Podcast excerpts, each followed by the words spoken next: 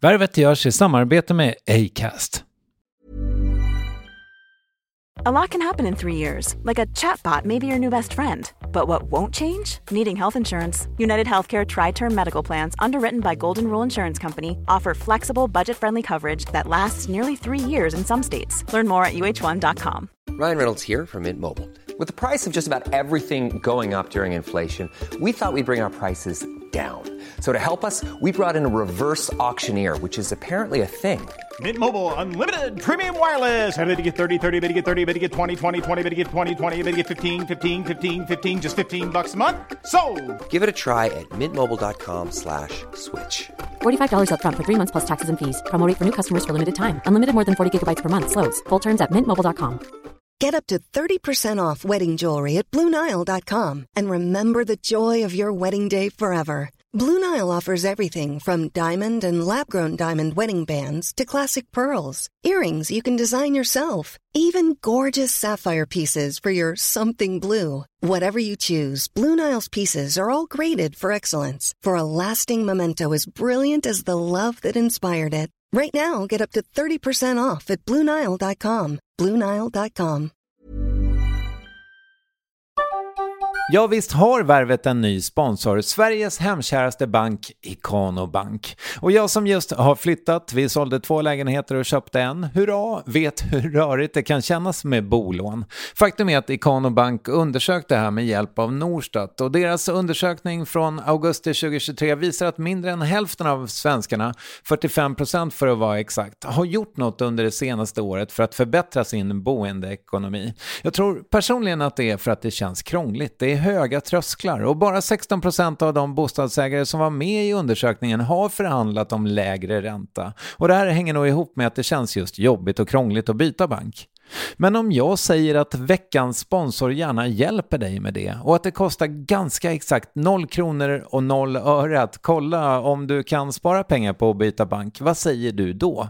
Du kan exempelvis göra det enkelt på Ikano Banks hemsida som du hittar på ikanobank.se. Ikano med K. Stort tack Ikano Bank! Jag är så glad att få presentera en ny gammal vän till podden. Värvet sponsras av Läkerol Dents. Läkerol var nämligen en av Värvets absolut första sponsorer. Makes people talk. Och Läkerol utvecklas hela tiden vilket gör dem till en drömpartner. Som Läkerol Dents. En smart produkt, en mjuk tuggpastill som innehåller 50% xylitol vilket då bidrar till en god munhälsa. Kan det stämma undrar du? Ja. Sveriges tandläkarförbunds logotyp finns på asken då de stöder användningen av xylitol som huvudsakligt sötningsmedel i pastiller. Och de här pastillerna stöttar din dagliga tandvård eftersom xylitol, det stavas med X, bidrar till att bibehålla tändernas mineralisering och får emaljen i gaddarna att bli hård. För bäst effekt använder du två Läkerol Dents efter varje måltid eller om du har ätit något under dagen. Och det passar ju perfekt eftersom pastillerna dessutom kommer i fräscha smaker som mentol, sweet mint och strawberry. Eller min nya favorit, sprillans nya raspberry salmiak. Så istället för tuggummi, tänk Läkerol Dents. Stort tack Läkerol Dents i allmänhet och Läkerol Dents raspberry salmiak i synnerhet.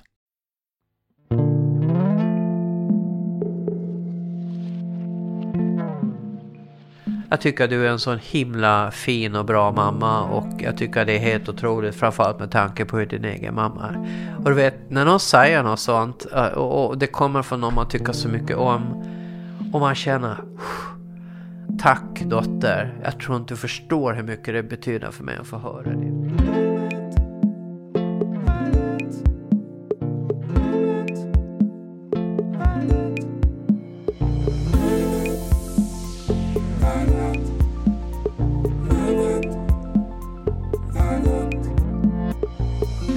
Om några veckor kommer ett avsnitt av Värvet med skådespelaren Hedda Stiernstedt som i sitt sommarprat tog upp en barndomsvän som hon tappat kontakten med och som låg där och liksom pockade på Heddas uppmärksamhet i år efter år.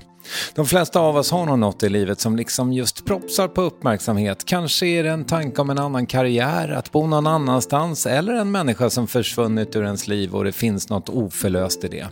Babben Larsson har just precis en sån där följetong i sitt liv och vad det är, ja det kommer vi till strax med komikern som gissningsvis jobbat mer än de flesta, om inte annat för att hon började på 80-talet nästan innan stand-up ens fanns. Nu ser du henne i Bäst i test i TV bland annat, men hör henne framförallt i Värvet avsnitt 572. Här är Babben. Du, eh, nu kör vi igång då. Ja, okej. Och då ska vi säga att eh, vi har mycket saker mot oss idag. Ja, idag är eh, tingen är emot. Så kan man säga. Ja. Ja. Till exempel är du eh, dunderförkyld. Ja, stämmer bra. Eller slash har jag blivit allergisk på gamla dagar. Det är oklart, men eftersom jag aldrig har varit allergisk tidigare mot pollen och sånt så tror jag att det är en förkylning istället. Men du, Jag är inbildningsfrisk just nu ja, och sen ska vi också säga att eh, innan jag ställer en följdfråga på det här med allergin, så ska vi också säga att i alla fall för en liten, liten stund sen så var det en väldigt, väldigt aggressiv eh, lövblåsare eller träd, trädbeskärare, vad det nu heter, arborist. Ja. ute på gården och härjade. Så att eh, det, det, det, ljudmässigt kan det vara lite dåligt och jag sitter med gummihandskar för att jag har fått någon hudåkomma. Så att eh, ja, det är en, en, en blind leder en lytt. Sjukstugan. Ja, lite så. Men jag tänkte på en sak, det här med, eh, för du, du har ju varit allergisk förr mot pälsdjur och så gick Ja. det liksom, och, det hade ju med ditt psyke att göra. Ja, och det är jag rätt övertygad om att det hade. Så kan, kan det vara så att din kropp nu försöker säga dig någonting med den här nya eventuella pollenallergin då? Att jag inte ska vara utomhus menar du? Det skulle passa mig perfekt för jag är ingen utomhusperson egentligen. Det är mysigt att vara i trädgården och sådär men jag tycker inte om att äta utomhus eller hänga utomhus speciellt mycket eller sitta på en filt på stranden eller i en park utan eh, jag gillar att vara inomhus. Ja, ja vi får se hur det går då med din allergi. Ja. Men och du har nässpray med dig. Jag har som- nässpray med mig och jag har fått te så tack. Mm, och te och kaffe. Du, när vi sågs första gången för 11 år sedan, då var du precis färdig med din bucket list. Ja, just det. Eh, och där stod det, vad jag minns, att du skulle göra tv-program. Just det, var hosta ett eget tv-program, ja. Mm. Och så stod det också att du skulle ha en eh, egen föreställning som inte skulle åka runt utan den skulle vara i Stockholm. Den skulle ha premiär i Stockholm, ja. Okej. En stor premiär i Stockholm. Ja, Båda de hade du bockat av då, precis. stämmer. Och så sa du, ja men jag får göra en ny. Ja. Blev det någon sån? Nej, inte lika uttalet tror jag som den första listan, för den var väldigt tydlig så här. Utveckla en ny föreläsning, eh, skriv en bok, hosta ett program, ha stor premiär i Stockholm och lite sånt. Eh, all, allting var ju jobbrelaterat då.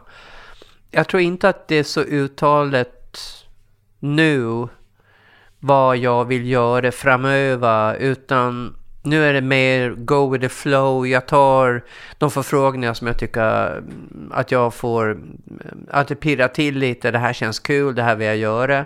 Och jag har, jag har väl vissa saker som jag vill liksom genomföra men som plattan nu som kommer till exempel var en typisk sån sak som jag ville väldigt gärna göra en platta med mitt band.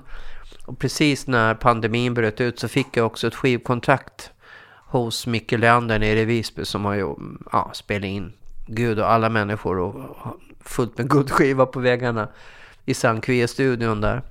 Också att pandemiåren blev ju då dels att skriva den här boken som kom förra året och dels att uh, skriva texter, repa in och uh, spela in den här plattan och jobba med den. Eh, Så det har varit de här långprojekten som ändå har, har räddat mig från det totala vansinnet när man blir helt sysslolös och inte kan ut och gigga nästan alls utan bara spela in lite tv då och då som du blir då. då. Alltså där vi var då i det här eventuella vakuumet som uppstår då när man har liksom uppnått de här målen som man har förutsatt sig. Blir det tomt då? Alltså tomt var det ju inte eftersom jag fortfarande hade väldigt mycket jobb och kunde åka runt och jobba och så. Utan jag hittade väl på nya projekt helt enkelt. Jag hittade på den här Expedition Babben som tog fyra år att genomföra och ganska mycket tid att förbereda också. Eh, och eh, sen dök ju Bäst i test upp så småningom här och har hållit mig sysselsatt. Och nu har jag även jobbat med mot Sverige så att jag har ju haft, eh, och jag har föreläst ganska mycket så att eh, jag har absolut haft att göra. Okej, och du satte på bak och fram. Han du göra allt det du ville? Nej, jag ville eh, stoppa hissen, alltså trycka på en... Fuska eh, som vanligt, ja. Eh, men Ankan, eh, hissen gick för fort, sa du. För du hann bara klä av dig, men inte på dig. När man väl gör en bucket list på jobb och då spänner man ju bågen. Jag menar, jag trodde ju inte i min sinnesvärld att jag skulle lyckas genomföra alla. De, de, de var som mål ska vara. De var liksom eh, modiga, eh, inte omöjliga, men ganska tuffa att uppnå. Och framförallt så är vissa saker utom ens eget jag menar, jag kan ju inte bestämma att jag ska få en talkshow på tv. Den positionen hade jag absolut inte då när vi pratades vid för 11 år sedan. Men saker och ting händer och, och då är, är det ganska fantastiskt att det är någonting också med när du gör en lista på vad du vill göra. Eller om du går på ett jobb och vantrivs som jag har gjort ibland och så tänker du jag skulle vilja göra något det där istället. Då är det som att du lägger ut en annons på något slags intranät som andra kan läsa av. Mm. Jag har ett bra exempel på det om jag inte drog det förra gången, men skit vart det 11 år sedan folk har glömt det.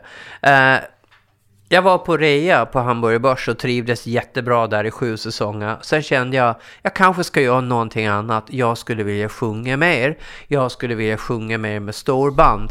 Jag uttalar det här, jag säger det till min man. Nästa dag ringer tre kapellmästare oberoende av varandra och undrar om jag vill komma och gigga med deras storband. Och han gjorde precis som du, han bara skakade på huvudet och sa alltså det här händer bara dig. Ja. Men jag har någon slags tillit till att om det är rimligt och det är det låter flummigt att säga meningen, men att det är nästa steg för dig och du tänker det, uttalar det och önskar det väldigt starkt så är det som att andra på något otroligt flummigt sätt kan fånga upp det här. Mm. För det har hänt mig så många gånger så att till slut så, jag kan tro längre att det är en slump faktiskt. Det, det är magiskt tänkande va? Ja, och det är det ju. Mm. Fast det är ju också affirmativt tänkande, vilket jag tror på det vis. Att affirmerar du saker så är det en större målinriktning och energi åt det hållet som gör att det kanske också händer. Ja, men och sen så blir det lite grann också, eh, nu har ju både du och jag, eh, framförallt du såklart, men man, man har liksom ynnesten och privilegiet att bli tillfrågad om att vara med i olika sammanhang. Så är det absolut. Och jag kan tycka att det är svårt om man då inte har något slags... Alltså, vad bucketlisten är, är ju en riktning. Ja, det är en riktning. Och det som händer då är ju att man tackar nej till saker som inte går i den riktningen. Ja. Jag fick en förfrågan igår om jag ville vara med i ett slags lekprogram i tv. Mm. Och så, kände, så sa min eh, manager ja. Eh, och så sa en, en annan person som jag litar på ja, gör det. Och min tjej sa ja, gör det. Men jag, jag kände i hela min kropp att det här är inte rätt för mig. The gut feeling. Exakt. Och den, den är så viktig. Ja. För så fort du gör någonting för att det är bra för din karriär, det är ett bra sammanhang att synas i, det där är, är en chans, men du känner själv fast jag är egentligen inte bekväm, jag är egentligen inte sugen på det eller rent utav det här kommer inte bli så kul, även om det är ett bra sammanhang att synas i. Då är det nej i min värld. Mm. Det spelar ingen roll om det är bra betalt eller om det är mycket tittare. Är det fel så är det. Mm. Det säger jag också ibland till yngre kollegor som, som är på väg att starta upp sina karriärer. Att det är ingen idé att du är med i ett program där du ramlar i lera och får massa äpplen i huvudet. Om det är komiker du vill bli. Då ska du försöka hitta program där du kan vara rolig och visa att du är det. Och inte att det blir på din bekostnad eh, bara för att du är med på tv. För det det gagnar inte det du vill liksom. Men har, har du varit lite sådär också återhållsam med dig själv? Det lustiga är ju också att man, man, man tänker på något sätt då kanske som up and coming komiker, eller i mitt fall sådär att man känner sig lite, lite, kanske lite, lite bortglömd. Aha. Och då blir man smickrad över den där frågan och sen så tänker man att ja men det här, det här, det, det är väl bra att folk kommer ihåg att jag finns. Aha. Men folk, alltså så här, man, är- man ska ju också hålla på med det här i, ja, i ditt fall kanske då 15-20 år till. Oklart om jag håller på så länge till. Ja, och det i mitt fall då inte. kanske 30-ish. liksom. Ah, okej. Nej, inte 30 va? Jag är så delusional. Säg 20 år till då. Ah, okej. Ja. Så att man, alltså det kommer komma andra chanser Mm. som är mer rätt. Det kommer det absolut och återigen, det finns så många sätt att hålla sig top of mind idag. Du behöver inte... TV är kanske ett av de sämre sätten faktiskt. Därför att idag så kan du nå ut på ett annat sätt med sociala medier och så vidare. Så att eh, det är en bättre väg att gå just för yngre kollegor tycker jag. Men jobb med TikTok, jobb med, med, eh, med Insta och, och gör sketcher, gör roliga grejer, kommentera dagsaktuella saker, lägg ut dina publiksnack och så vidare. Så, så, så får du samma effekt, men du når mycket mer precis din målgrupp och, och den växer organiskt liksom. Istället för att du kanske är med i ett lekprogram där du inte riktigt är superbekväm, men det är ett bra sammanhang, men samtidigt så känner du inte riktigt att det här var din grej liksom. eh, Och då blir det lite snedträff tror jag. Mm. Det, det, det, Och sen att jag är Ja, återhållsam låter lite roligt eftersom många kommenterar du är ju överallt liksom. Men då vet de inte hur mycket jag tackar nej till faktiskt. Jag tackar nej till ganska mycket saker. Ja. Det var väl där någonstans som jag ställde en halv fråga till dig, liksom, om du har varit, om du har känt att du har kunnat vara taktisk, att så här, ja, fast nu ska jag ut på turné så nu kanske det är bra att vara med i går kväll, så att säga. Ja, kanske intervjuer. Eh, det, det kan, det har absolut, för det är ju promotion. Jo, men så är det. Eh, men jag tänker mer på det här när du ska leka. Så att säga, bli, bli en kändis. Inom ja, lite så. Då för 11 år sedan när vi såg så, så nämnde du i en bisats här, för vi pratade lite om pengar och så sa du att det var inte din drivkraft. Ja. Har du kläm på vad din drivkraft är? Ja, det, det är... eh, Jag är helt lustdriven. Eh, jag gör vad fan jag har lust med. Och har jag inte lust så blir det ett nej, för då blir det inte bra. Lite så. Det är en bra egenskap många gånger därför att jag driver mig själv väldigt hårt ifall jag verkligen har lust att göra någonting och kan jobba långa timmar och offra mig och, och verkligen ge mig hen. Men när jag börjar vantrivas och det skava så är det ingen bra egenskap för att eh, då, då är det dags att lätta liksom. Eh.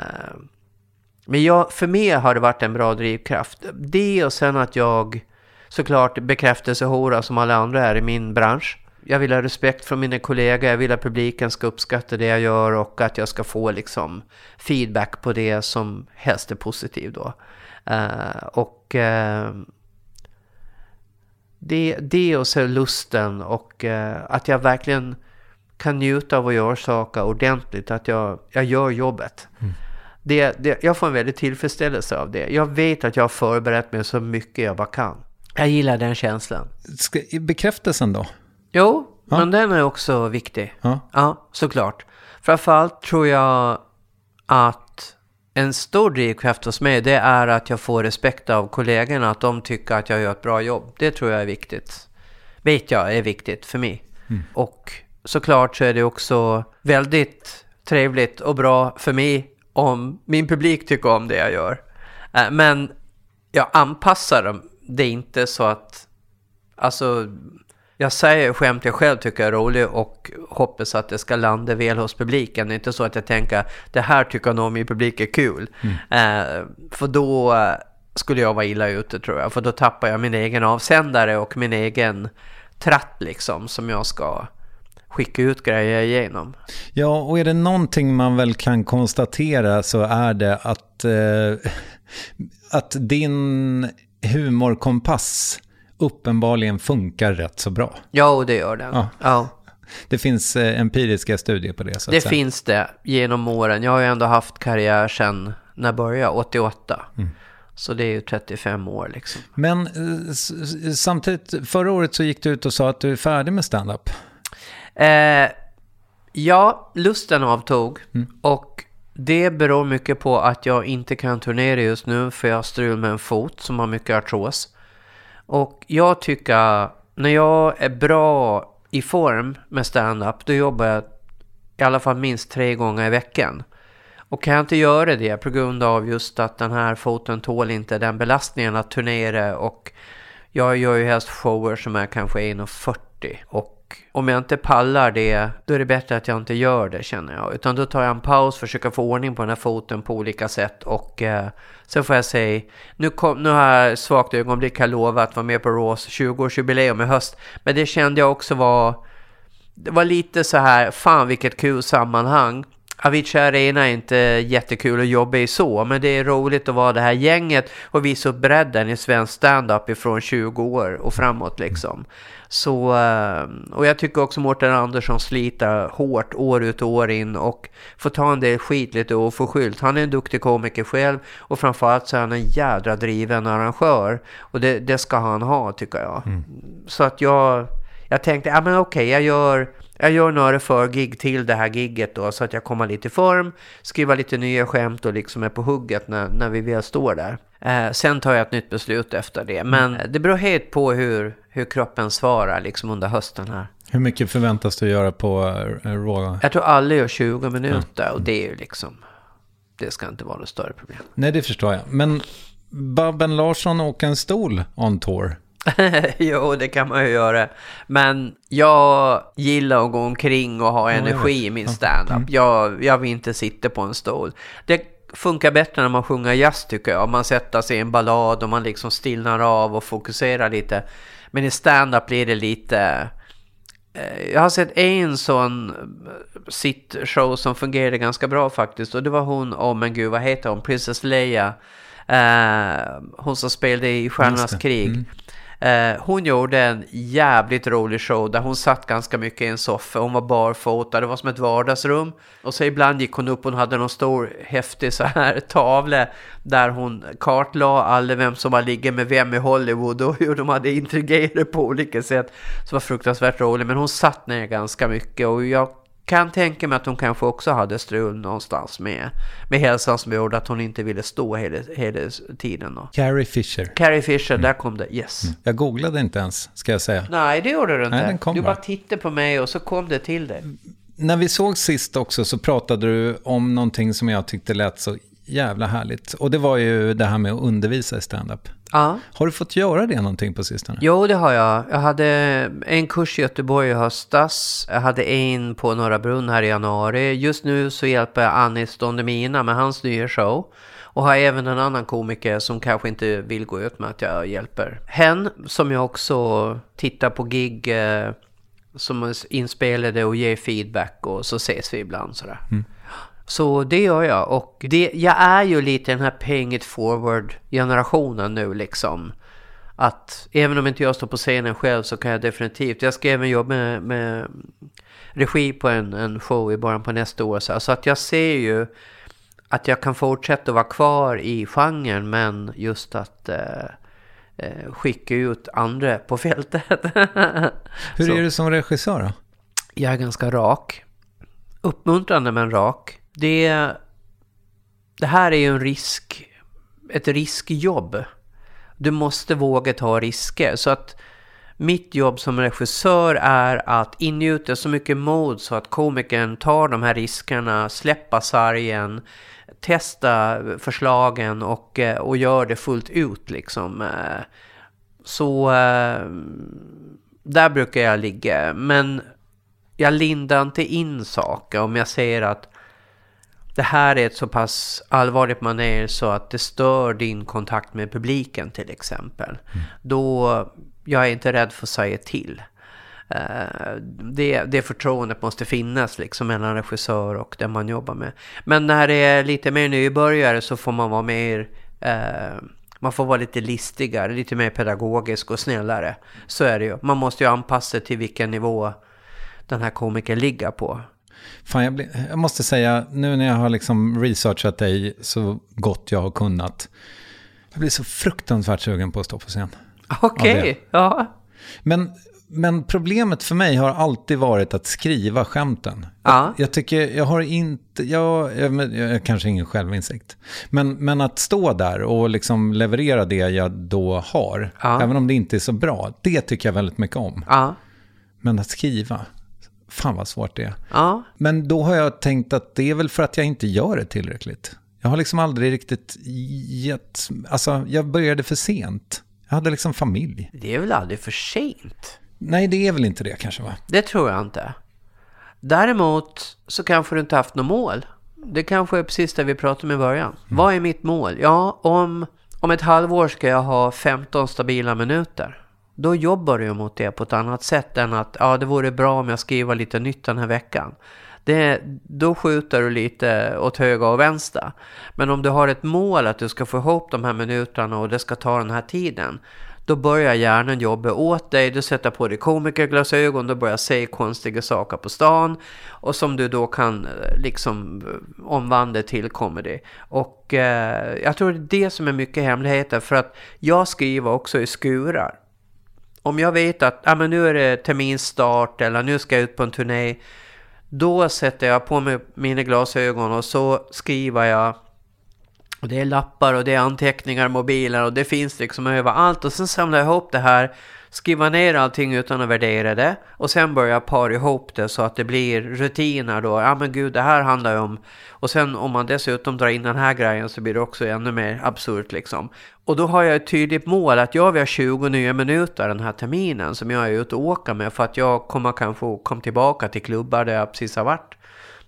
Och då tänker jag att jag står och kör samma 30 minuter utan då ska det ju vara förnyat helt enkelt. Och även om det materialet inte i början känns lika starkt som det jag precis har kastat då så måste man ändå... Det är ju risk. Stor risk, stor vinst. Jag menar om jag åker och tittar på en komiker jag gillar vartannat år och det är samma material, då kommer inte jag att åka den tredje gången. Jag tycker det är ganska självklart. Men gud vad du snusar. Mm. Jag. Jag, måste, jag måste adressera det här. Jag tror du stoppar in en varannan minut. Ja, någonting sånt. Ja. Okej, då det, vet vi det. det. är ett tick jag har. Jag förstår. Men det är framförallt när jag intervjuar. Men jag gör det också, har det visat sig. Jag har gjort en eh, tv-produktion nu. Och då har, nu vet bildproducenten när jag börjar fumla lite, då, då ska de ligga på gästen. Så att jag ska hinna byta. Eh, Men jag ska, det skulle vara svårt att, och, ja, jag vet inte hur jag gör riktigt. Nej, jag det live. förstår. Men du klarar att stå och köra stand-up i tio minuter utan att byta snus? Nej, det tror jag inte. Ja, om jag skulle göra det nu, då skulle jag nog behöva göra det. Jag förstår. Ja. Ja. Men det är ju lite så här, ja, med, ett, jag, har, jag har ju traum, traumatiskt stand-up. Det var kanske då luften gick ur mig. När jag åkte ner till Malmö och eh, skulle göra ett gig Ja. På den här otroliga Babel, en så himla fin scen. Jaha, okej. Jag var först ut, vilket var lite otacksamt för jag var så orutinerad. Och ingenting funkade. Nej. In, inga skämt flög. Nej. Och då blev jag så nervös så jag sänkte en flaska Ramlösa. Då fick jag skratt. På att jag drack den för snabbt. Okej. Sen åkte jag hem till Stockholm. Och har inte kört sedan dess eller? Ah, eh, det, det blir en bättre story om jag inte har kört sedan dess. Men, eh, Okej. Så låt oss eh, säga det. Ja. Ja, men det är svårt. Det, det är så himla lockande. För det är ju någonting, det är ju så himla rent med stand-up. Det är en så vacker konstform. Det är ju det. När det fungerar. Och det är så hemskt och jobbigt när det inte fungerar. Jag menar, jag har ju också gig som inte fungerar. Jag hamnar i ett sammanhang som är fel eller på något sätt. Eh, bara för några år sedan var jag med på en inspelning av Släng i brunnen där jag hamnade i en cast för kvällen som inte alls passade mig. Och så jag och en annan komiker som kör med i Middle of the Road. Vi bombade och båda två åkte hem var och en i en taxi och tänkte vad kan jag mer än det här för nu är jag slut liksom. Men det var ju att publiken var så inriktad på några andra komiker som var där och de hade köer liksom hela eftermiddagen för att få komma in och se just de här komikerna. Och då, eh, Jävla Jonathan Unge. nej det var, in, det var inte främst, eh, det, var, det var precis efter det här drevet mot eh, Simon och... Eh, Mr Cool. eller? Ja, Mr Cool, precis. Och, eh, så deras publik står ju mangrant på gatan därför att det var någon frimicklare på Söder som hade hotat med att komma dit med sina anhängare och eh, förstöra hela tv-inspelningen. Så det var civilpolis i, i publik. Alltså det var så fel style allting. Och det var så otroligt exkluderande stämning bakom också. Men jag tänkte det är skitvart. Bara jag komma in och är med publiken så ordnar det sig. Nej, det gjorde det inte. Nej. Blev du bortklippt? Eh, ja, det var en grej de ville ha med som jag sa, nej men det där vill inte jag ha med för det var ett påhopp på kungen och det är så onödigt liksom. Det funkar skitbra live men det behöver inte gå ut på tv. Ja men vi har, vi har alla liksom eh, advokater som behövs. Ja, så, men det är inte de som håller sig genom pressen mm. efteråt. Så att, eh, så att de tar med en liten grej. Mm. Om att bajsa i, i Kenya, det, det tyckte de var lite kul. Mm att man är dålig i magen när man är ute och åker i Afrika. Men annars så, eh, nej de bara, de, det var verkligen inte deras humor och, eh, och jag fattar det. Men nästa gång jag kom till några Brunn, det tog några veckor för jag hade annat att göra emellan. Då fick jag så här skakningar när jag gick in bakvägen genom sceningången. Då liksom ja, posttraumatisk stress där med fan, för det var så jävla jobbigt att bomba. Och det är det, och jag förstår precis din upplevelse när du åker hem. Det, det, är någon känd komiker som måste prata om det här. Du står på scenen, ingenting fungerar och du faller och du faller och du går av och ingen möter din blick och du fortsätter att falla. Du sätter dig i taxin, ingen pratar med dig och du bara går igenom det här katastrofgiget och du faller och du faller och kommer hem och ingen kan liksom, du, bara, du landar aldrig, du bara ramlar och ramlar och ramlar. Precis så känns det att mm. Det är som ett bottenlöst hål som det, det tar ett tag att kravla sig upp ur det. Det är intressant tycker jag att, jag menar du som ju då har miljontals gig bakom dig där du faktiskt har absolut inte bombat. Mm. Men, men ändå så ramlar du i den där gropen då. Mm, du är aldrig bättre än och så vidare. Ja. Det är så. Det är verkligen så. Sista referens gäller. Mm. Och var det ett pissgig, då är du en dålig komiker. Alltså i hjärnan. Det, det är ju ett hjärnspöke helt enkelt. Du kan snacka med det hur mycket du vill, men rädslan att du ska misslyckas igen tar ett tag att komma över. Mm. Och det tar ett tag att få ner det på liksom en vettig nivå. Den här skräcken, för den tar ju över alltihop. Gud, tänk om jag hamnar där igen. Tänk om jag är slut. Tänk om det här, du vet. Nu ringde jag den andra komikern. Som inte jag hann att se den kvällen, för jag skulle upp tidigt nästa morgon som jag också hade hört hade bomber. Så vi kunde tillsammans debriefa den här kvällen och kom fram till och få ner det på en rimlig nivå. Och han hade lite flyt för han kunde göra ett nytt gig nästa kväll och då var det den vanliga publiken och allting flög igen. Men jag, för min del tog det några veckor innan jag var tillbaka och äh, det var inga roliga veckor. Det var, det var jobbigt. Nej men det är väl det som är tricket va? Att du måste upp i sadeln så fort det så går. Så är det ju. Mm. Det var inte så att jag strök resten av säsongen utan jag vet ju att this too shall pass för att använda en otroligt sliten men ändå rättvis klyscha för hur det här fungerar. Det kommer ju att gå över om du bara sansar dig, försöker vara lite mindre skräckslagen inför att det har hänt och att det kan hända igen så kommer det att flyga nästa gång. Det, jag menar, sån erfarenhet har ju jag. Men det, du måste ta ett rejält resonemang med den här ångesten. Mm.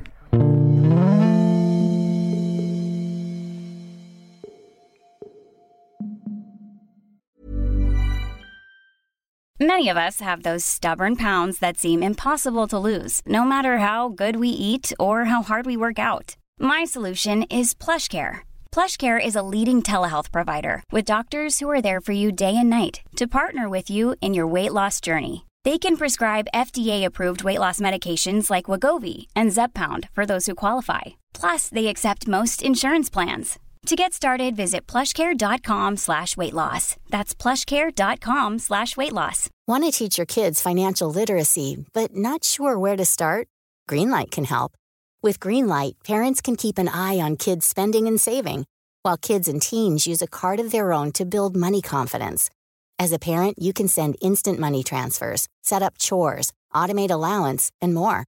It's a convenient way to run your household, customized to your family's needs, and the easy way to raise financially smart kids. Get started with Greenlight today and get your first month free at greenlight.com/acast. Here's a cool fact. A crocodile can't stick out its tongue. Another cool fact you can get short term health insurance for a month or just under a year in some states. United Healthcare short term insurance plans are designed for people who are between jobs, coming off their parents' plan, or turning a side hustle into a full time gig. Underwritten by Golden Rule Insurance Company, they offer flexible, budget friendly coverage with access to a nationwide network of doctors and hospitals. Get more cool facts about United Healthcare short term plans at uh1.com. Jag är lite nyfiken på vad som upptar din eh, energi. just nu? Uh, just nu så har jag väldigt mycket fokus på plattan som ska släppas. Mm. Så att just nu så är det mycket att skriva booklet, för vi ska även göra den som säger det. Uh, att bestämma omslagsbild, att uh, lyssna på de senaste mixningarna. Vi ska spela om en, vi ska göra om en låt, eh, vi ska eh, ändra tonart på den, så det ska vi göra i maj här. Det, det eh, lägger ganska mycket och sen ska jag även trycka upp min första bok själv och det visar sig, det är lite paperwork och lite olika nytt ISBN-nummer och allt sånt här.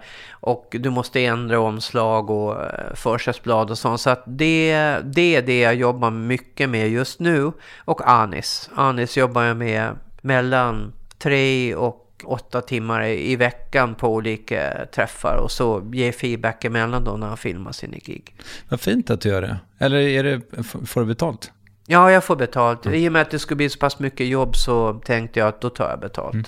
Mm. När jag är mentor tar jag betalt. Om det bara är lite tillfällig feedback eller så. Men gör jag ett jobb och det, det är mycket just att titta, analysera och, och eh, ge av den här kunskapen eh, över tid. Då brukar jag ta betalt. Varför ger du ut din bok igen?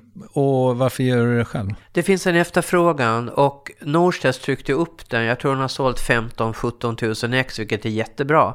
Den kom ut 2009 kanske.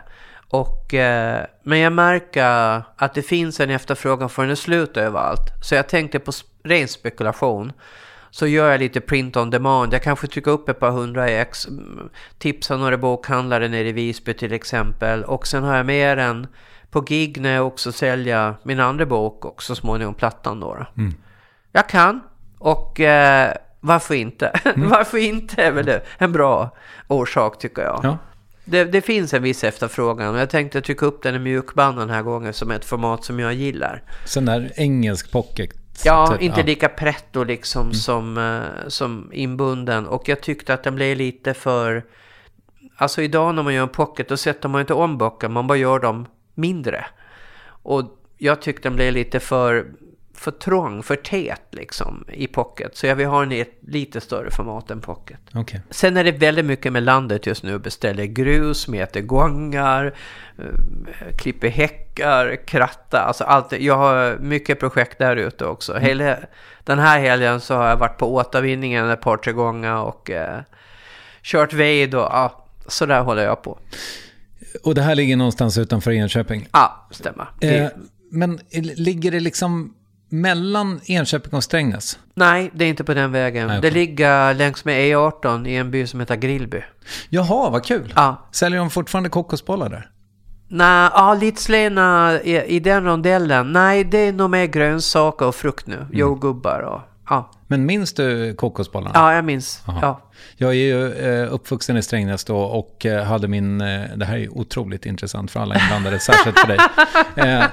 nej men, jag hade mormor och morfar i Tierp och min morbror uppåt Uppsala också. Ja. Så då åkte man alltid förbi den där. Om, ja, ja, ja. om ens mamma och bonuspappa var på riktigt gott humör, då kanske man kunde köpa en sån här kartong. Det är väl lite som, är det inte Roslagsstoppet också som det står en sån här försäljare? Det kan det vara. Sen mm. eviga tider tillbaka. Ja. Ja. Man vill ju att det ska gå bra för dem. Kokosbollsförsäljarna? Ja. Jag tror inte du behöver oroa dig. Det tror... finns en enorm marknad för kokosbollar. Ja. ja. Kokostoppar, ja, kokosbollar. Ja. Jag skulle vilja att vi pratar lite grann om så här ständiga följeslagare idag. Ja. Eh, och, och, eh, när jag tänker på dig så då tänker jag liksom, jag har en ständig följeslagare top of mind med dig. Ja. Vet du vad jag, vad jag far efter? Då gissar jag att du tänker på musik. Ja, exakt så. Mm. Och för den har liksom alltid varit med ju. Mm. Men aldrig riktigt fått spela första fiolen. Nej, stämmer. Mm. mm. Vad tänker du om det? Jag tänker att det var väl så det blev på något vis. Ehm, jag började med musik som ung. Jag spelade fiol och blockflöjt och sjöng i kör och allt det här. Hade inte så mycket musikundervisning i skolan för jag tyckte inte om den. Men jag, jag höll på med musik bredvid hela tiden. Lärde mig spela gitarr, sjöng, uppträdde. Var med på Tiljans talanger på Gotland, vilket ju ett måste om man vill slå igenom. Men det var alltid någon som sa Alvengren eller Einbusk Singer som vann istället. Sen höll jag på ganska mycket. Jag hade Neil Young-band ett tag. Jag startade också ett annat band som hette Tre med Pentry. Som faktiskt hade en revival här, 20 eller 30 års revival. 40! 40 var det! Okay. Vi fanns 80 och vi gjorde en, en, eh, ett gig nu under pandemin mm. som var streamat som var jätteroligt och väcker liv i det här.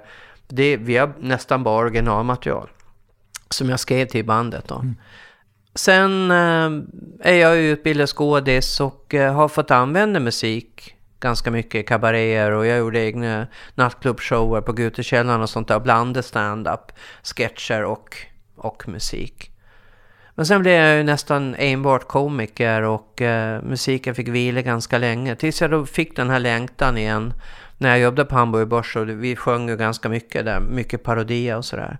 Så kände jag att vi tar upp det här. Och jag hade också börjat ta sånglektioner igen under 90-talet sådär. Började sjunga lite jazz, för jag gillade musiken väldigt mycket. Swing och American Songbook och mm, det skrevs fruktansvärt bra musik under första hälften av 1900-talet. Mm. Den är så välkomponerad, den är, det bara flyter, den är rytmisk, den är underbar att, och bara vara i. Fem över sju och jag har tränat klart och hunnit handla och hem underbart. Mikromaten Tina, jag äter ballerina sjungande the blodsocker blues. Får jag chansa på att du gick till Sanna Hultén? Ja, det gjorde jag. Mm. Mm. Och vi klickade väldigt, väldigt bra. Mm. Jag fick jättefin hjälp av henne. Nu har, har jag haft hjälp av Sara Nordenberg, heter hon väl va? Eh, jag har lite namnproblem. Ja, och Sara Nordenberg, jätteduktig också. Som jag kom i kontakt med. Jag var med på Mello för några år sedan och sjöng så här förra årets vinnare. Just det. Mm. Och, eh, så hon har hjälpt mig med den här mm. plattan då. Men sen har jag då haft... Förlåt, jag ska bara säga, vi pratar om sångpedagoger. Ja, sång, sångpedagoger. Mm. Men sen har jag då haft, eh, jag plockade upp en trio till en show jag gjorde 2005 när jag hade kommit över min jädra utbrändhet och kunde göra stand-up igen. Så jag gjorde en show med låtar. Och då plockade jag ihop en trio till det. Och sen så småningom så möblerade jag om lite grann och så blev det en kvintett och jag tog till en saxofon också. Och, eh, och det är det som är second edition då som jag har gjort den här plattan med. Mm. Så när jag fick erbjudande om att göra en platta där eh, för tre år sedan är det ju nu då. Så kände jag direkt jag vill dokumentera det här bandet för de är så jädra bra. Och jag vill ju sjunga mer. Men jag, jag måste ju också vara ödmjuk inför det faktum att det är komiker jag är känd för, det är programledare nu och mer och mer. Det är många förlorade år att jobba i kapp sångmässigt också, såklart. Jag har en talang, jag är musikalisk, men det är mycket jobb att bli riktigt, riktigt bra. Så att Victoria Tolstoy-nivån och det här, Isabella Lundgren, den kan jag glömma för att jag, jag är för sent ut. Ungefär som du känner med stand-up.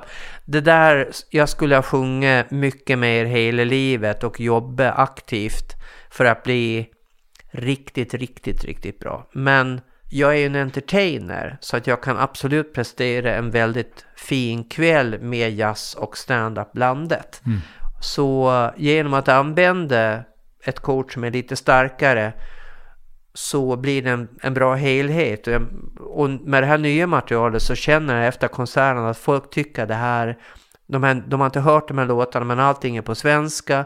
Det svänger eller det är vackert och det är finstämt och det jag märker att publiken gillar verkligen det här materialet och hela bandet har fått en nytändning för att vi står inte längre och bara kör covers liksom. Mm. Men, men vad är det för låtar ni eh, har dokumenterat på skivan då? Det är nyskrivet material okay. eh, som jag har fått in. Jag gick ut på sociala medier och fick in eh, så eh, Mattias Wahlqvist hoppas jag säger rätt nu. Ja, jag hoppas det. Eh, han har skrivit fyra låtar. Sus von Arn har skrivit en låt. Adam Forkelid, jätteduktig jazzpianist. Eh, några är översatta, några är ballad som Bernt Rosengren, saxofonist, har skrivit. Eh, och Gulin har skrivit en låt, alltså sådär Mars. håller det mm. på. Så att det är... Eh, eh, men det, det, jag tycker det sitter ihop och det fungerar bra. Mm. Så att, eh, ja. Vad spännande. Ja, det är kul. Och, och, tanken då är först skiva och sen något slags, sen ska ni ut med den? Ja, det, det är min förhoppning att vi kommer ut med den nästa vår. Mm. Och då kanske du kommer sitta lite, eller? Uh, ja, om jag inte har fått ordning på foten tills dess eller få en bra kortisonspruta så att jag kan liksom stå och gå mm. lite mer. Jag har oftast inte ont när jag giggar, jag har ont efteråt, jag har ont nästa dag. Mm. Då stapplar jag ner i hotellmatsalen som, som en lite äldre person. När Betydligt in... äldre än vad jag är. Men sen mjukar det upp och så kan jag gigga igen. Men till slut så kommer man ju till vägs ände att det gör lite för ont hela tiden och då man börjar halta så det syns och så jag gillar inte det. Jag har en känsla av att, eh, utan att ha något på fötterna, men jag har en känsla av att eh, Svante Turesson lär väl ha suttit de sista 30 åren. Kanske han inte gjorde, men det är min känsla i alla fall. Att han lutade sig lite mot en barstol. Det kanske han gjorde. Han bytte ju faktiskt ut en fot. Jaha, gjorde ja. han det till och med? Mm. Alltså en helt ny fot? Ja, vad jag förstår så eh, hade han protes sista året. Ja, wow. Ja. Hårda bud Mellerud. Ja. Duktig sångare. Fantastisk sångare. Ja. Hela han är ju, han är som en svensk Mel Tormé. Han har rytmen, han har tonen, han har ett helt eget sound och eh, man blir ju bara glad när man hör honom sjunga. Han har... Eh, ah, det är ett, vilken förebild alltså att, eh, att ta rygg på. Mm. Helt otroligt bra. Men vad, vad, tänker du liksom... Eh, för det låter ju ändå som att du är lite självkritisk i det här. Att du liksom borde ha börjat tidigare och sådär. Men vad, vad är det du känner att du brister då? Det finns olika nivåer tycker jag som jag vill uppnå. Och det finns en sista nivå där jag bara är i musiken och lever den och bara levererar och jag vet att stämbanden bär vart jag än stickar och så. Där är jag inte riktigt. Det är dit jag skulle vilja och där jag ser att andra är. Uh, där man tekniken och erfarenheten och avsändaren är så självklara så du kan bara gå in och vara musik. Mm. Där är inte jag riktigt. Okay. Utan jag är fortfarande en hel del också i teknikdelen och eh, eh, hur jag ska lösa vissa saker och sådär. För att min röst, också framförallt, jag fick corona två gånger, då blev min skarv ganska stor och jag måste hitta, det är därför jag ska spela om. Vi ska göra en låt en gång till därför att den måste sänkas för att min skarv funkar inte riktigt. Vad är skarven? Skarv det är alltså skarven mellan huvudrösten mm. och bröströsten som ligger här nere. Och där nästan alla har en skarv på mitten, tjejer. Och eh, om man sjunger mycket så hörs den inte utan du, du väljer, jag blandar rösten eller jag, jag tar det här uppifrån eller jag tar det underifrån. Men just nu så bär den inte riktigt efter coronan och det gör att eh, då ska jag inte ligga och sjunga för mycket på den. Och den här låten den ligger och drillar på skarven hela vägen så att det liksom, nej, gör om, gör rätt liksom. Okay. Vi lägger den i bröströst så slipper jag att stå liksom och, och fundera på ens kommer det här att gå liksom. För det, det är inget bra ingång när man ska göra en låt. Mm. Uh, men, men att bara vara musik, att uh, ja men som Whitney Houston eller vad fan som helst, eller Victoria Tollstor för den delen som jag har sett eh, jobba live flera gånger. Bara gå in och bara vara liksom och sända musik. Mm. Helt fantastiskt. Jag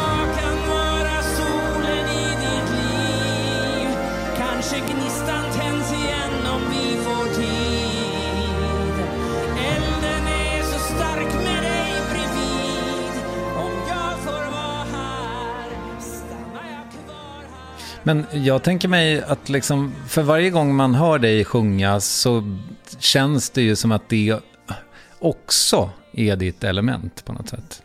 Jag håller med. Mm. Jag håller med. Och det jag hör är ju också faktiskt skådespeleriet som gör att jag kan berätta en text, vara närvarande i det. Och det kan många gånger också bli en styrka tycker jag jämfört med någon som drillar och wailar och, och har full kontroll på instrumentet men inte riktigt är med i texten och inte sända, liksom inte berätta det mm. utan bara sjunga. Och, och, eh, så att, jag menar, jag har styrkor som jag kan föra in i, i det här som, som gör ändå att jag känner inte att jag inte får vara med. Det gör jag inte. Nej, Nej så dålig är jag inte. Nej, jag tycker du ska vara med. Ja, ja. Du är en fantastisk sångare. Ja, tack. Men vilka är dina hjältar då? Alltså, du var lite på det här tidigt 1900-tal. Men är det de här liksom när de fortfarande spelade in i storband i studion? Ja, så jävla häftigt. Jag har gjort en storbandsplatta och då gjorde vi precis så. Stå mitt i, i studion bland alla musiker så körde vi in allting bara rätt in i. Det är ju det bästa. Idag tillverkar man inte musik riktigt på det utan någon sitter i Los Angeles och gör en, en loop och någon annan sitter i Stockholm och, och så mixar någon i Berlin liksom. Eh, och ja men det, det går ju så att eh, det fungerar ju. Men mina hjältar bakåt, det är Sammy Davis, det är Mel Tormé framförallt då. Dean Martins attityd till det mesta i livet tycker jag är ganska skön det här att eh, man har ett litet leende i mungipen och Frank går ju inte heller riktigt att komma förbi Frank Sinatra, men... Eh, men det är liksom inte Nina Simone? Eh, nej, inte på det sättet. Okay. Jag, jag är lite noga med röster. Nina gör fantastiska låtar och eh, eh, hade en strevhet som jag kan tycka om. Eh, men varken henne eller Rita Franklin eller Ella Fitzgerald, det, det är inte riktigt min... Edda James uh, tyckte jag väldigt mycket om. Hon hade jävla pondus alltså när hon sjöng. Eh, och sen uh, Whitney är ju min husgudinna, även om jag inte alls är i hennes genre. Mm. Så uh, hon var ju bara som ett rör upp till Gud när hon sjöng. Liksom. Det var helt otroligt. Jag har träffat hennes mamma. Hennes mamma? Ja, ja okej. Okay. Mm. Ja. Sissi Houston. Sissi, ja. ja. Det ble, det, jag gjorde en intervju med henne. Den, eh, den gick tyvärr inte att sända. För att hon hatade mig så himla mycket. Jo då. Ja. Eh, men däremot så älskade hon min producent eh, som var med också. Det här var på någon... Det liksom, premissen för intervjun var att vi skulle göra den på den här speciella fiskrestaurangen i New Jersey. Ja. Eh, och eh, hon skulle ha med sig två personer. Eh, och eh, jag skulle ta notan. Eh, och sen så alla frågor jag ställde så, så suckade hon bara. Ja. Och sen ifall eh, Kristina som var med också, eh, Görling Birro som du kanske har haft med att göra. Ja, skitsamma. Ja. Eh, om hon ställde sa ungefär samma fråga, då fick hon ett svar. Så det, det, blev liksom en mycket, mycket märklig inspelning. Men jag har tänkt så här att om, om Cissi Houston någon gång går ur tiden så kanske jag ska göra någonting mer än där. Ja, okej. Okay. Men, men, det var väldigt Men gud vad skumt. Ja, det var mycket speciellt. Ja. Men eh, hon, hon hatar min uppsyn, kanske. Och kanske var där för maten. Kan det ha varit. Det kan ha varit så. Men du, eh, ja, men vad, vad fint då att liksom musiken då äntligen, eh, eller vad vi ska säga, ska få träda fram lite ja. mer. Mm. Mm. Men du, det här med eh, programlederiet som du nämnde för en stund sedan, att det har blivit liksom lite mer och mer av det. Ja. Har du varit reaktiv i det eller har du stått vid rodret för den rörelsen? Nej, det har nog bara hänt faktiskt. Jag fick, eh, jag fick ju förfrågan om eh, Bäst i test och innan dess så hade jag gjort det här Stjärnåsbabben vilket också var väldigt kul. Nere i Göteborg där jag intervjuade en artist åt gången liksom och hade gäster och allt möjligt. Och jag tycker att man ska ha ett enkelt upplägg för ett program. Det här upplägget är att jag är Babben och så har jag en stjärna här och ikväll så är det Robert Gustafsson. Men när jag fick Bäst i test och tittade på det... Du hade gjort och Company också som... Ja, jo men det var ju 2007 tror jag. Så att, ja. Men, men då kände jag ju inte, när inte det fick fortsätta så tänkte jag, ja nej men skit vart jag turnerar och jag gör det här, jag gör det här liksom. Men sen kom ju Stjärnors Babben och sen var det uppehåll igen. Sen fick jag den här förfrågan om Bäst i test, tittade på Taskmaster, några avsnitt jag fick till mig och skrattade högt och tänkte det här vill jag jobba med för det här är spontant. Det är komiker, det är löskokta hjärnor och det är full fart. Jag, jag kör. Och vi fick ju bara fyra program första säsongen för de ville testa lite olika format. Så fick vi fortsätta och ganska snart så sa jag till David, fan det här kommer att bli vår pensionsförsäkring. Jag kände bara, det här blir en succé. Mm. Vi har så roligt, de som är med har roligt och resultatet blir så fruktansvärt kul vad skulle kunna gå fel liksom? Så jag är så glad att det här kom till Sverige och jag är så himla glad att vara en del av det, måste jag säga. Så för de yngre idag så är jag ju programledare, lite grann som Gunde Svan, han är ju programledare, va? Åker han skida också? Det är ju lite så, millennials och så vidare, de, de har ju nästan aldrig en historisk bakgrund till någonting utan det är ju här och nu och ja men då är jag programledare liksom. jag får väl helt enkelt uh, inse att det, det är ju absolut ett starkt ben just nu. Mm. Så är det ju. Jag har ju en mot Sverige också nu som uh, går i höst. Och... Ja, det kommer en säsong till. Ja, det gör det. Mm. Ja. Och sen är det möjligt att det fortsätter, men i Sverige är vi ju inte programledare på två kanaler, så att när Bäst i test då överköpt till fyran så, så är det nog ganska självklart att jag inte är kvar Eh, eftersom jag följer med programmet så är det ganska självklart att jag inte får fortsätta med mot Sverige. Så även om det fortsätter så kommer det få en ny programledare. Kan en person vinna mot resten av Sverige? Då kör vi! Genom att gissa hur det går i våra experiment. Hur många pensionärer går det åt för att rubba det här flygplanet? Hur många bollar åker ut när han gör bomben? Jätterolig röst! Och kan du gissa antalet ballonger som får den här tjejen att flyga? Varför är det roligt att göra tv? Vilken bra fråga. Alltså när det gäller Bäst i test så är det ju för att det är så vansinnigt roligt program. Och när det gäller Emot mot Sverige så tycker jag att eh, det är också ganska häftigt och att det ändå finns lite i grunden att kan du lite så här natur, eh, har läst kanske naturvetenskaplig eller att du är lite så här, kan lite om fysikens lagar och så vidare så, så kan du ändå lite grann humma till men det är rätt så oförutsägbart och det går absolut inte att googla det. Vilket gör att publiken blir också aktiv. Det märker vi ju i du-appen. Folk sitter verkligen hemma och gissar. Och eh, nu kan de ju tävla mot varandra också hemma i, i soffan liksom. Jag, jag, gillar det här, vad jag gillar med mot Sverige också att det är direktsänt. Jag gillar, nu går, nu går tåget. Mm. Är du med? Mm. Och alla skärper sig, det blir ju så. Man är skärpt när man spelar in även live on tape som vi gör med, med Bäst i test. Men den skärpen går inte att jämföra med när det är direktsändning och alla bara liksom sträcka på sig och nu jävlar liksom. Nu gäller det att jag sätter min grej. Och vi är ju liksom 50 pers som tänker det. Mm. Och det är en häftig energi alltså. Ja, för det var det lite jag, jag kanske tänkte rent fördomsmässigt att du då, som ju i mångt och mycket har varit ensam mycket. Ja i ditt yrkesliv. Mm. Liksom. Även om det såklart finns kollegor på klubbarna så att säga. Jo. Men, Nej, men... jag har turnerat väldigt mycket själv. Och det började jag ju fan med redan 93. Mm. Så började jag liksom åka, för då, redan då hade jag blivit så pass etablerad så att jag liksom sålde ut teatrarna själv. Mm.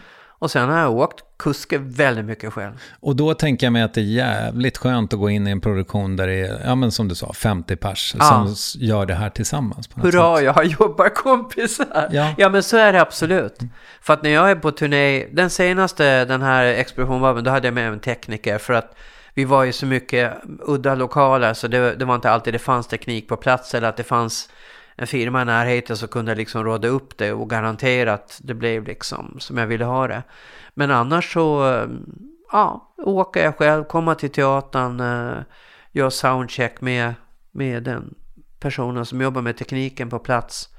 Gör föreläsare eller kör min show, sen, sen är det hem. Mm. Det har varit roligt då när jag haft bandet med mig för då har man i alla fall liksom då har vi alltid suttit ner en och en halv timme innan vi, innan vi ska gigga och käka ihop och råda dit catering liksom. Och, för det, det, är en sån här viktig grej tycker jag. För att det här med att ut och jaga kebab liksom 50 minuter innan gigget börjar. Det är värdelöst verkligen. Mm. Så det står i mitt kontrakt när vi turnerar med band. Att då ska alla sitta ner, crew allihop.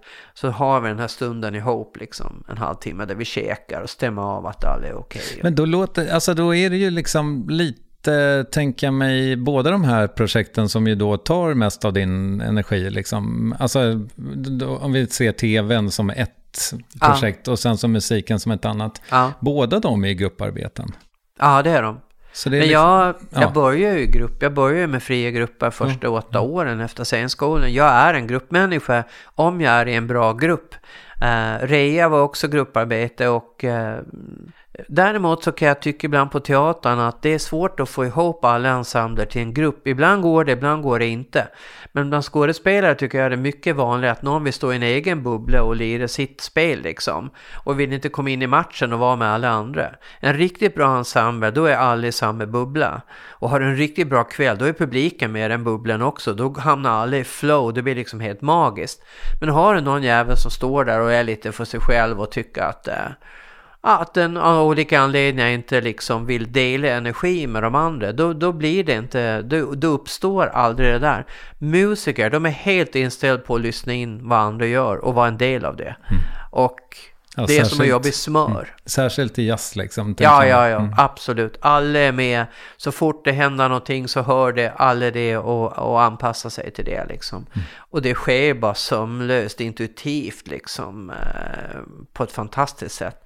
Även jag liksom har ju öronen öppna och är det så att det är någon som lägger till någon extra grej så då ger man ju den liksom ett litet leende, ja liksom nu jag hörde det där liksom och den tittar tillbaka och det, det är ett sånt här givande och tagande på scenen att vi, vi gör det här tillsammans. Och jag gillar det. Eh, vad jag inte gillar det är att vara fast i konstellationer där det inte det här finns. Då måste jag därifrån. Så är det bara. När hade du det så sist? Oklart faktiskt. Det är ett tag sedan. Mm. Jag väljer nog mina sammanhang med omsorg faktiskt. Men eh, det har hänt, det har det absolut gjort. Att jag har hamnat i situationer där, där vi inte riktigt, det klistrar inte ihop sig riktigt på ett bra sätt. Men du, nu är det väl ett tag antar jag tills någonting faktiskt syns i TV4, eller? Ja. När kommer det? Det blir du nästa vår då. Ja. Våren 24. Så då vet du inte riktigt, eller har, jo men det måste du väl ha. Du har liksom varit där och förhandlat och liksom, ska du bli en TV4-profil nu? Nej, inte mer än så till, tillvida att jag leder ett program som går på TV4 och som förmodligen kommer att fortsätta gå på prime time. Men jag har inte skrivit över så, så att jag ska bli en profil för fyran på det sättet som en del andra har gjort. Att man med buller och bång, åh nu lämnar jag det här och nu går jag till fyran. Utan jag följer med ett program. Eh, Det är så jag ser det. Eh, Så jag vet inte riktigt, jag har inte förhandlat med fyran direkt utan jag har förhandlat med eh, produktionsbolaget, min agent har förhandlat med produktionsbolaget i England. Okej. Det är så det har sett ut. Och sen är det Baluba som gör det här i Sverige. Jag tror inte att det blir någon jätteskillnad i hur vi tillverkar programmet faktiskt. Eh, Och vi kommer inte heller vara i TV4-huset. Så eh, jag vet ju ännu inte riktigt hur det blir. Så att på ett sätt så, det blir ju lite nytändning ändå att eh, vissa grejer kommer att bli annorlunda, så är det ju. Men, men för tittarna så blir det i princip samma, fast med reklamavbrott då? Ja, Mm. det är absolut vår målsättning. Att det är precis så det ska bli. Man ska känna igen programmet, det är samma gedigne jobb och kärlek nedlagt liksom som det har varit nu i sju år och eh, vi castar omsorgsfullt och vi eh, hittar på så kul, testar vi bara kan och klippa ihop det här på ett bra sätt. Ja, vi har ju fantastiska klippare till exempel. Och, eh, och sen så är det bara det tillägget då att förmodligen antar jag att programmet förlängs. Eh, vi gör lika mycket innehåll men sen är det ju då att det eh, späckas in eh, vad heter det, reklam emellan. Då. Att det blir som i akter liksom. Säg att Åsa Sjöberg, om hon nu fortfarande är programdirektör på TV4, om hon tar en, en lunch med dig och frågar dig, okej nu är du här, skulle du vilja göra något annat hos oss också? Är det liksom, skulle du vilja tillbaka till något slags talkshow-format också? Det har jag inte tänkt på faktiskt. De har ju två väldigt duktiga. De har ju Malou och de har ju eh, Eh, David, eh, David Hellenius. Mm. Hellenius, precis. Så jag är inte så säker på att de vill utöka det. Jag brukar ta förslagen under beaktande när de kommer, men det är inte någonting jag kommer att driva att jag vill prompt ha ett program till. Det är lugnt. Vi kommer... Det, det är en hel del jobb med eh, och jag vill ha plats för just att kunna turnera med musik och det här gör ju mig tid över liksom också när jag inte ska stå i direktsändning nästa höst till exempel. Att eh, hitta på andra saker. Mm. Ja, så det får vi, det får jag nog ta om det kommer. Men eh, de har ju så, de har ju massor med duktiga programledare. Jo, jo, men det är inte det som Åsa Sjöberg säger. Hon frågar bara vad du skulle vilja göra. Okej. Då får jag nog säga att jag får gå hem och fundera på det. Mm, Ja. jag förstår. Ja, jag, jag har ingenting sådär, men gud, jag vill göra det här. Då hade jag ju pitchat det för länge sedan. Mm. Ja. En sak som jag liksom tycker mig ha märkt lite mellan raderna, det är ju att det finns en annan eh, eh, konstform som du också ägnar dig åt. Nämligen måleriet. Eh, collage. Collage? Okej. Collage. Mm. Klipp och klistra. Jaha. Jag gillar collage för det är lite grann som stand-up. Att du tar bitar av verkligheten och sätter ihop dem på ett nytt sätt så att det uppstår ett nytt uttryck. Jag gillar collage väldigt mycket. Och jag har till och med inrett ett helt rum på landet med bara material och liksom det är bara sätta sig ner. Jag är aldrig där. Enda gångerna jag, jag gör collage det är när jag är på kurs. Okej. Så jag försöker gå kurs så ofta jag kan. Ja, men vadå, du går... Vad, vad söker man då? På? Äh, Fridhem nere i Skåne, Svalöv har jag haft kurser. Nu är tyvärr den läraren inte aktiv längre utan hon, hon hade sin sista kurs förra året. Jag gick någon kurs här för några veckor sedan i Stockholm. En, en eh, duktig kvinna som hade en helgkurs. Och då tillverkade jag några stycken också. Sådär. Så att, men vi har pratat om det där för att min, eh, min kille målar. Och eh, att vi ska ta en hel där vi sätter oss verkligen och gör. Han målar och jag, jag liksom gör collage där. Så att vi... Det där hamnar alltid sist på listan fastän det är så himla kul. Och det, det är lite grann som att stå i mörkerrum. Alltså tiden bara flyga. Ja, Ja, så jag älskar ju det. För det är så här och nu verkligen. Och, det låter ju lite grann som de här grejerna där du faktiskt, där det blir flow, där du är i stunden liksom. Det är de på något sätt som du lite grann lever för. Ja, men så är det ju. Ja, men närvaro är så otroligt avstressande. Att man verkligen bara är här och nu. Att man bara verkligen sitter i den här soffan på rumpan.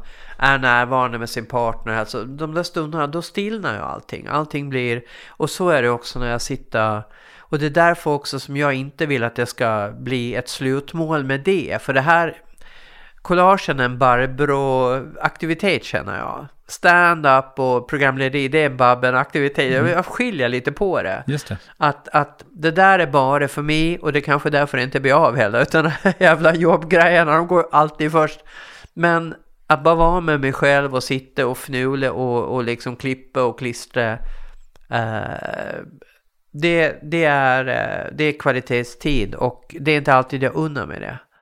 Finns det en terapeutisk funktion i det också? Det kan det nog finnas. Jag gick eh, en terapi, nu är det nog tio år sedan, hos en jätteduktig eh, terapeut där jag fick göra eh, någonting konstnärligt mellan varje som hakte i det vi hade pratat om eller om det var en guided meditation att jag fick liksom en bild av det och så vidare. Och Redan första gången så gjorde jag ett collage. Det bara blev så spontant. Och sen fortsatte det och jag sparade. Det, det, det är en riktig resa alltså. Det är blandat drömmar, det är meditationer, det, det är saker vi har pratat om som har hakat i så här. Och vissa av de bilderna blev faktiskt... Eh, fastän jag inte kan måla och, och teckna egentligen så, så blev även akvarellerna... De blev väldigt uttrycksfulla måste jag säga. Det var häftigt. Det var där den här uh, läbbiga mardrömmen om din dotter i bassängen Ja, hamnade. Mm. ja.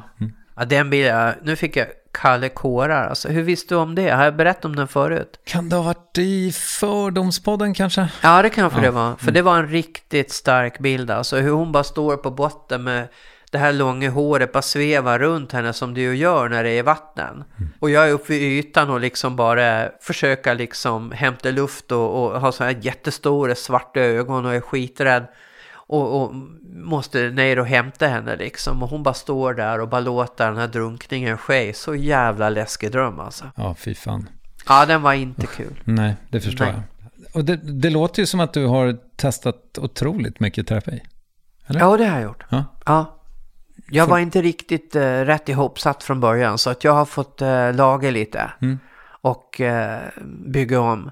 Det var, det var nog nödvändigt. Jag, jag mådde inte bra när jag var yngre och jag fick ingen rätt sida på det själv utan jag behövde verkligen. Så jag började ganska tidigt när jag var i Göteborg. Jag var kanske 26 när jag började gå i terapi.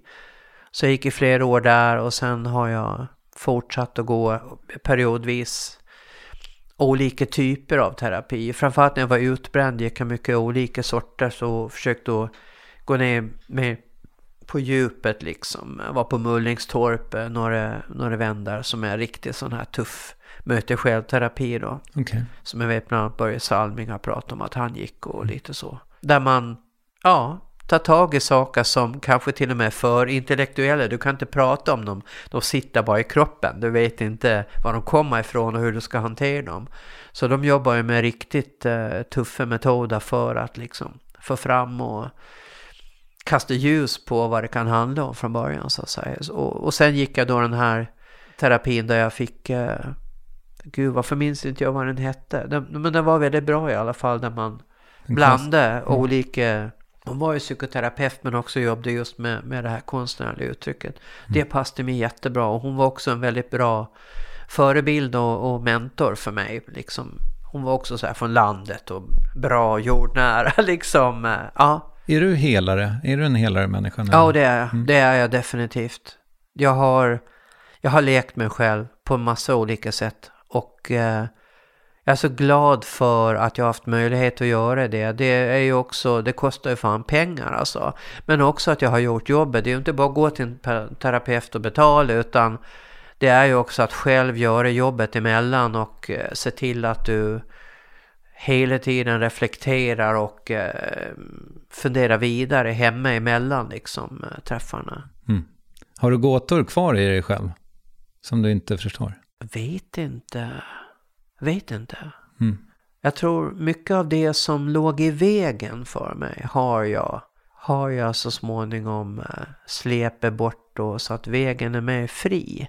Men helt eh, jag tror aldrig man kan lösa helt sitt eget mysterium, det tror jag inte. Det kanske vore tråkigt för mig. Ja, det tror jag också. Men den dåliga självkänslan, var det en sån där grej liksom? Den var ju orsaken till att jag brände ut mig. Att jag bara la all min, eh, mitt värde i att jag skulle prestera. Så att den, den fick jag ju verkligen eh, ta tag i på olika sätt. Med, då hade jag en mentor. Mm. Och liksom har då fått hjälp att se att du faktiskt är värd något i dig själv? Eller?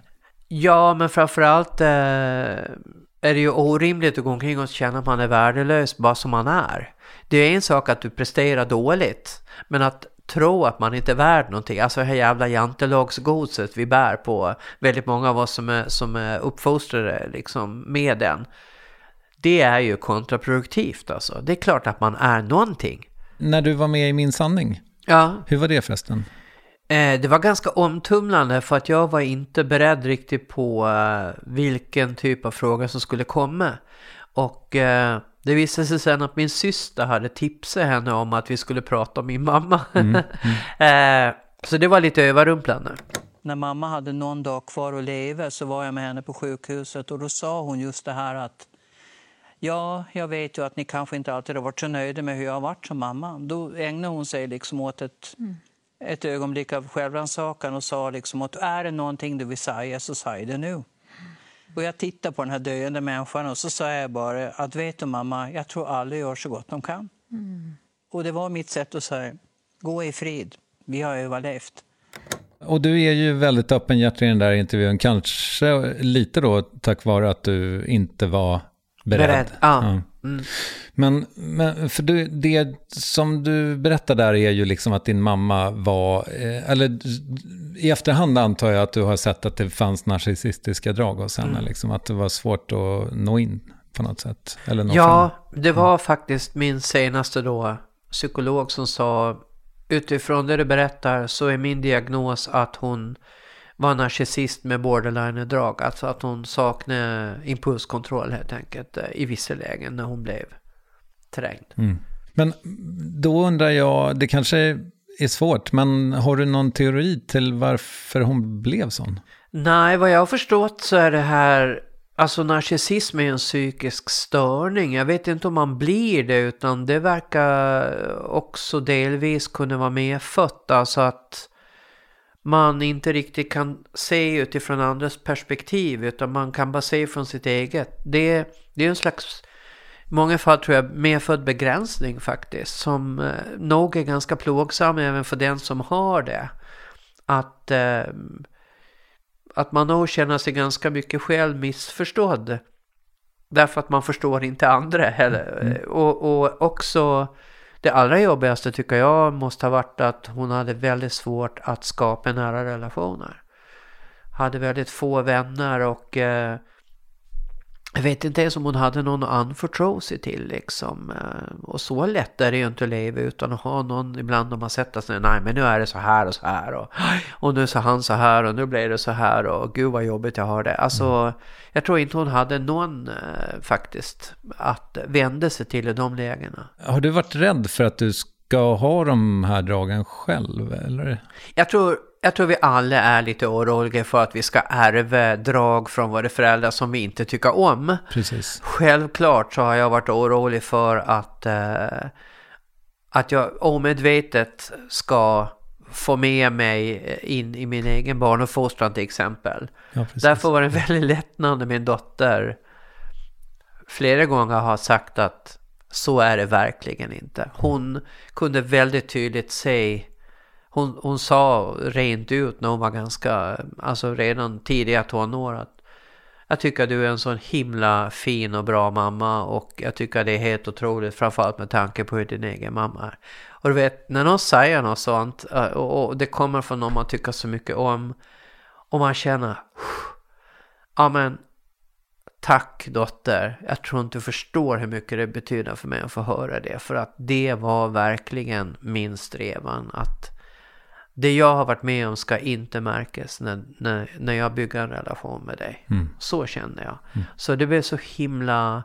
vilket fantastiskt kvitto från henne utan att hon kanske tänkte på det själv.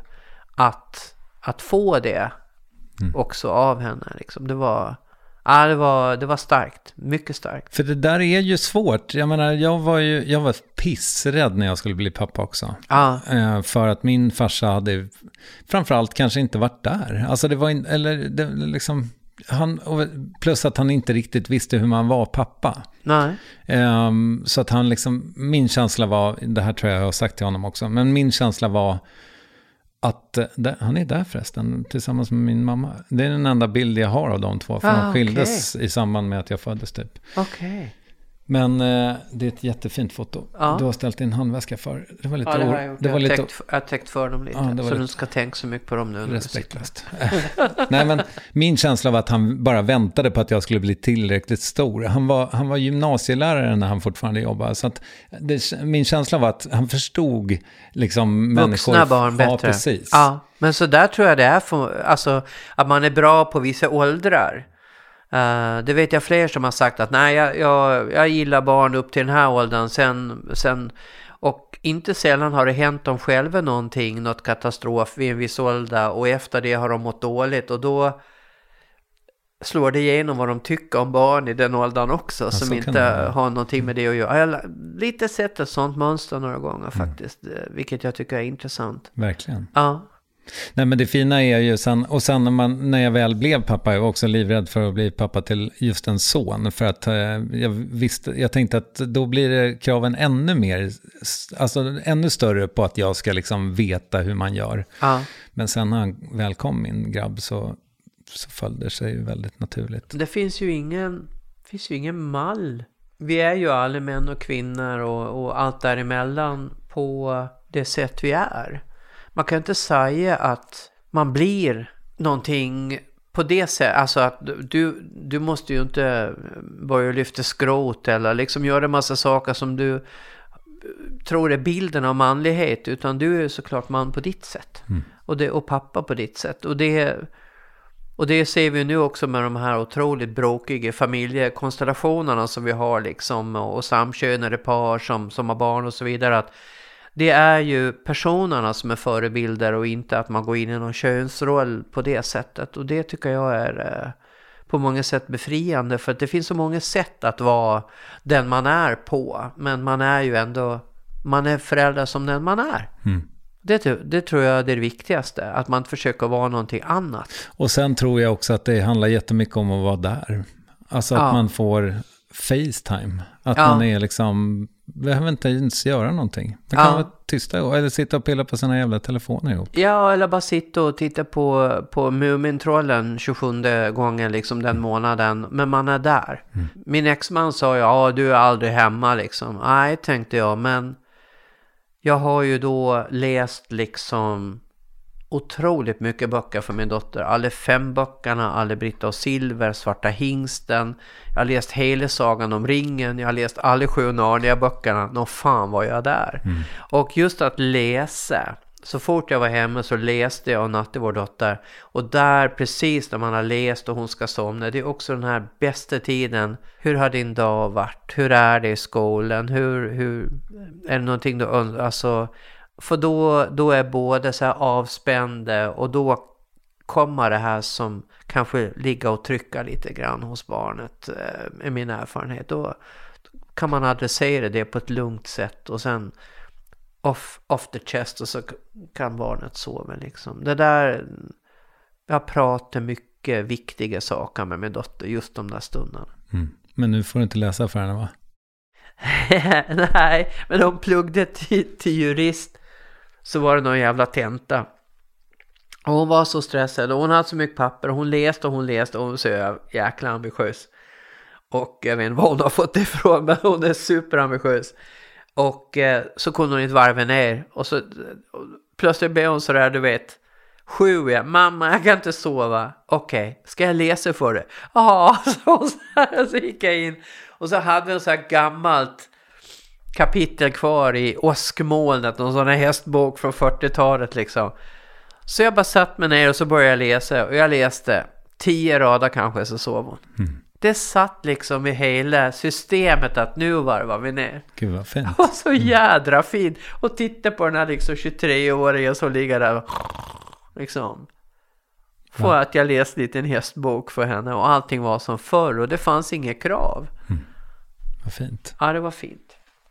Du, eh, jag blev väldigt, väldigt sugen på att sluta här för det var så härligt. Bra ställe att sluta och, så nu, och nu ska jag förstöra allting då Ja. genom att ställa en sista fråga ändå. Gör det. För att vi var på det här med, eh, jag sa att jag ville prata om följeslagare och, och, och musiken framför allt. Men om man tänker i mänsklig gestalt då, vilka har varit de här som har varit viktigast för dig? Rent På vilket sätt? Rent yrkesmässigt tänker jag. Det har väl varit de jobbarkompisar man har haft. Jag har inte riktigt haft någon mentor själv känner jag. Inte sen jag fick, jag hade Mona Malm, eh, ett block som det hette då. En fyra månaders period kanske när jag gick scenskolan. Och hon betydde väldigt mycket för att jag kände att ja, men jag får också finnas som jag är och jag kanske inte ser ut som Lena Endre och kommer att bli den typen av skådespelare. Men jag kommer att bli en skådespelare som är som jag. Även om den poletten kanske trillade ner fullt ut några år efter jag hade gått ut scenskolan så som förebild betydde hon väldigt mycket just genom att hon inte såg ut som de här sulfiderna med, med liksom smala kroppar, höga kindknotar och, och, långt uppsatt hår liksom som liksom gärna kunde ha dansa på operan utan hon var med babam liksom väldigt så här pondus, lugn och hon var en jättebra pedagog. Mm. Och eh, lärde mig några av de viktigaste sakerna faktiskt på scenskolan som jag fick med mig därifrån. Mm. Jag trodde du skulle nämna Adde Malmberg. Ja men vi är ju mer, vi, har, vi är parhästar på ett annat sätt. Vi, har ju, vi går way back. Vi började jobba ihop jättetidigt på några, ja, Västermans och Norra Brunn och Patricia och eh, började undervisa bara, ja, efter typ två år när vi hade hållit på med stand-up. Vad är det vi gör? Hur gör vi det? Och sen drog vi ju den här utbildningen på DI och eh, har turnerat tillsammans och han har regisserat flera grejer så här. Men jag känner mer att vi är som tvillingar nästan, alltså vi är som syskon och riktiga parhästar. Vi gillar att jobba ihop, jag litar på Adde 100%, han är verkligen så här no bullshit. Och det gillar jag. Om han tycker något så är det alltid för att det jag gör ska bli bättre. Det är aldrig personligt riktigt eller att jag kan misstänka att egentligen gillar inte Adde mig utan det är liksom nej men jag tycker inte det här fungerar, jag tycker jag ska göra så här, nej men det här, det här blir inte kul liksom. Och ju mer etablerad jag har blivit desto viktigare har det blivit att just ha de här som kan säga rakt nej. Det där är ett blindspår, det där, skit i det där, nej det där är dåligt omdöme liksom. Så att Adde och även Thomas Oresson eh, har jag, för jag, tre, eh, jag ofta så skriver jag de här 20 minuterna och sen lanserar jag det skarpt på Norra Brunn. Jag går inte ner på Big Ben och, och, och liksom kör där först utan jag står på Norra Brunn betalt gig liksom och ganska tuff publik och, och kör helt nya skämt och kanske tio minuter liksom. Det men jag gillar det. Det var fan, det, det här är ingenting för fegisar tänker jag. Nu kör vi. Men då har jag kanske tagit hem eh, och oredan eller Adde innan och så bollar materialet med dem så att eh, det blir eh, i alla fall testet en gång och jag får lite synpunkter och sådär. Och de kanske kommer på något adderande eh, skämt och så. Men Adde är eh, definitivt en parhäst. Om, om jag har en, en Hasse eller en Tage så är jag... Acast powers the world's best podcasts. Here's a show that we recommend.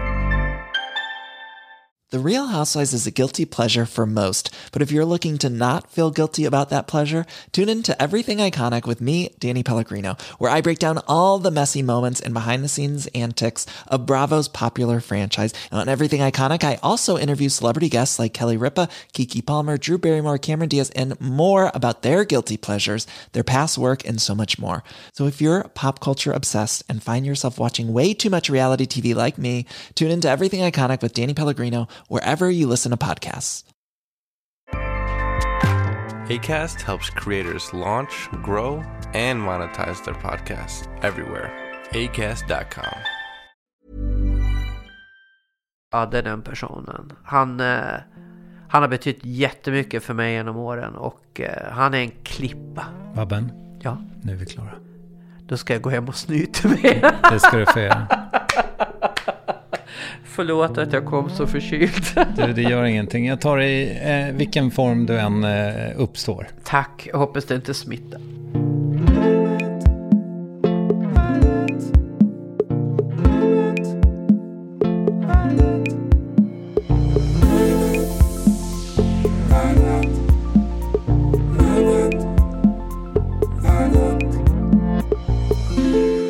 Nej, jag blev inte smittad och oredan som nämndes på slutet heter egentligen Thomas Oredsson. En mycket, mycket fin man och eh, rolig dessutom. Och eh, Babben Larsson med Quintetts album heter Vägen hem och lär komma i sommar. Med det stänger vi butiken för idag och med vi menar jag som du vet Ninni Westin, Kristoffer Triumf och förstås Acast. Vi hörs om max en vecka. Tack för visat intresse.